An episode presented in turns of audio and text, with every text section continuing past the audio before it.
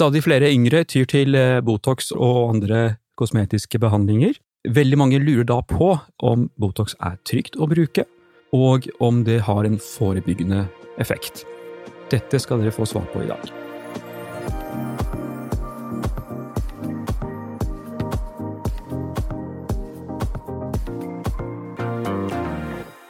Botox, som mange av dere vet, er jo injeksjoner som gjør at muskelen slapper av, og dermed får man ikke disse dynamiske linjene som kommer eksempel i pannen eller eh, sinnarynken.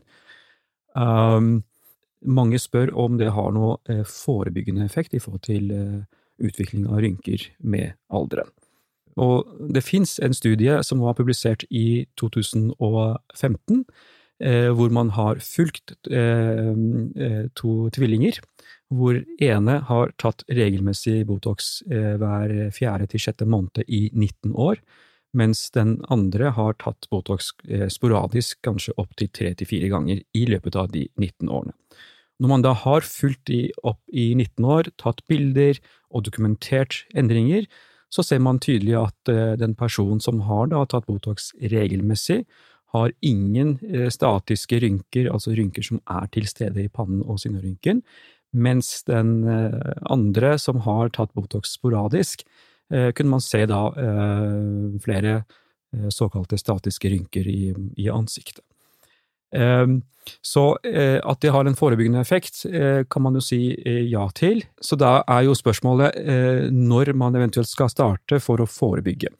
Når man ser på hvordan aldrings... Altså prosessen skjer i ansiktet, så er det jo oftest Eh, man ser tegnene fra slutten av 20-årene, sånn at eh, hvis man skal tenke forebyggende, så bør man vurdere, eh, vurdere det i, fra 25 oppover. Men hvis det er klart at hvis du har en, en 22-åring som har tydelige linjer, og ønsker å gjøre noe med dette, så, så bør ikke akkurat alderen eh, spille noen rolle her.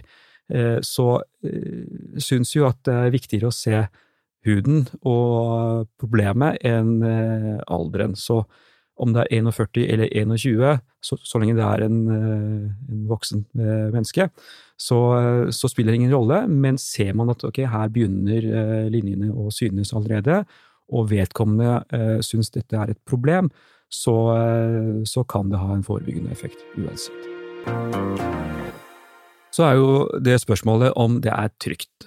Eh, for det første så må man jo si at eh, de som ønsker å gjøre det, eller planlegger å gjøre det, så anbefaler jeg at man gjør det hos en eh, sertifisert behandler i en klinikk.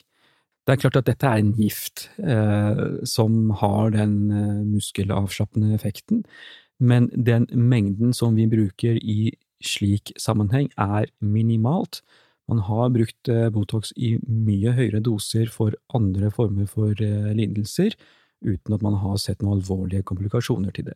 Men det er klart at det kan ha Man kan få hodepine, man kan få litt skjeve øyebryn eller fall i øyebryn osv., men noe farlig eh, er ekstremt, ekstremt sjeldent. Det er også veldig interessant å vite at Botox brukes ikke bare i forhold til linjer og rynker. Eh, man vet at Botox kan også redusere talgproduksjon i huden, altså de som sliter med fet hud, for eksempel. Eh, man ser også at eh, det er også publisert studier som viser at de som sliter med rødhet i, ansiktet, som for eksempel rosacea-pasienter, kan også kanskje få en viss grad, viss, viss effekt av Botox-behandling i ansiktet. Og ikke minst så eh, vet jo veldig mange også at eh, Botox vil også eh, redusere overdreven svetting, særlig i underarmene, hender og føtter. Håper dette var nyttig for dere. Sjekk gjerne Instagram-siden min at dr. Sangani for mer informasjon om hud og hudbehandlinger. Vi høres!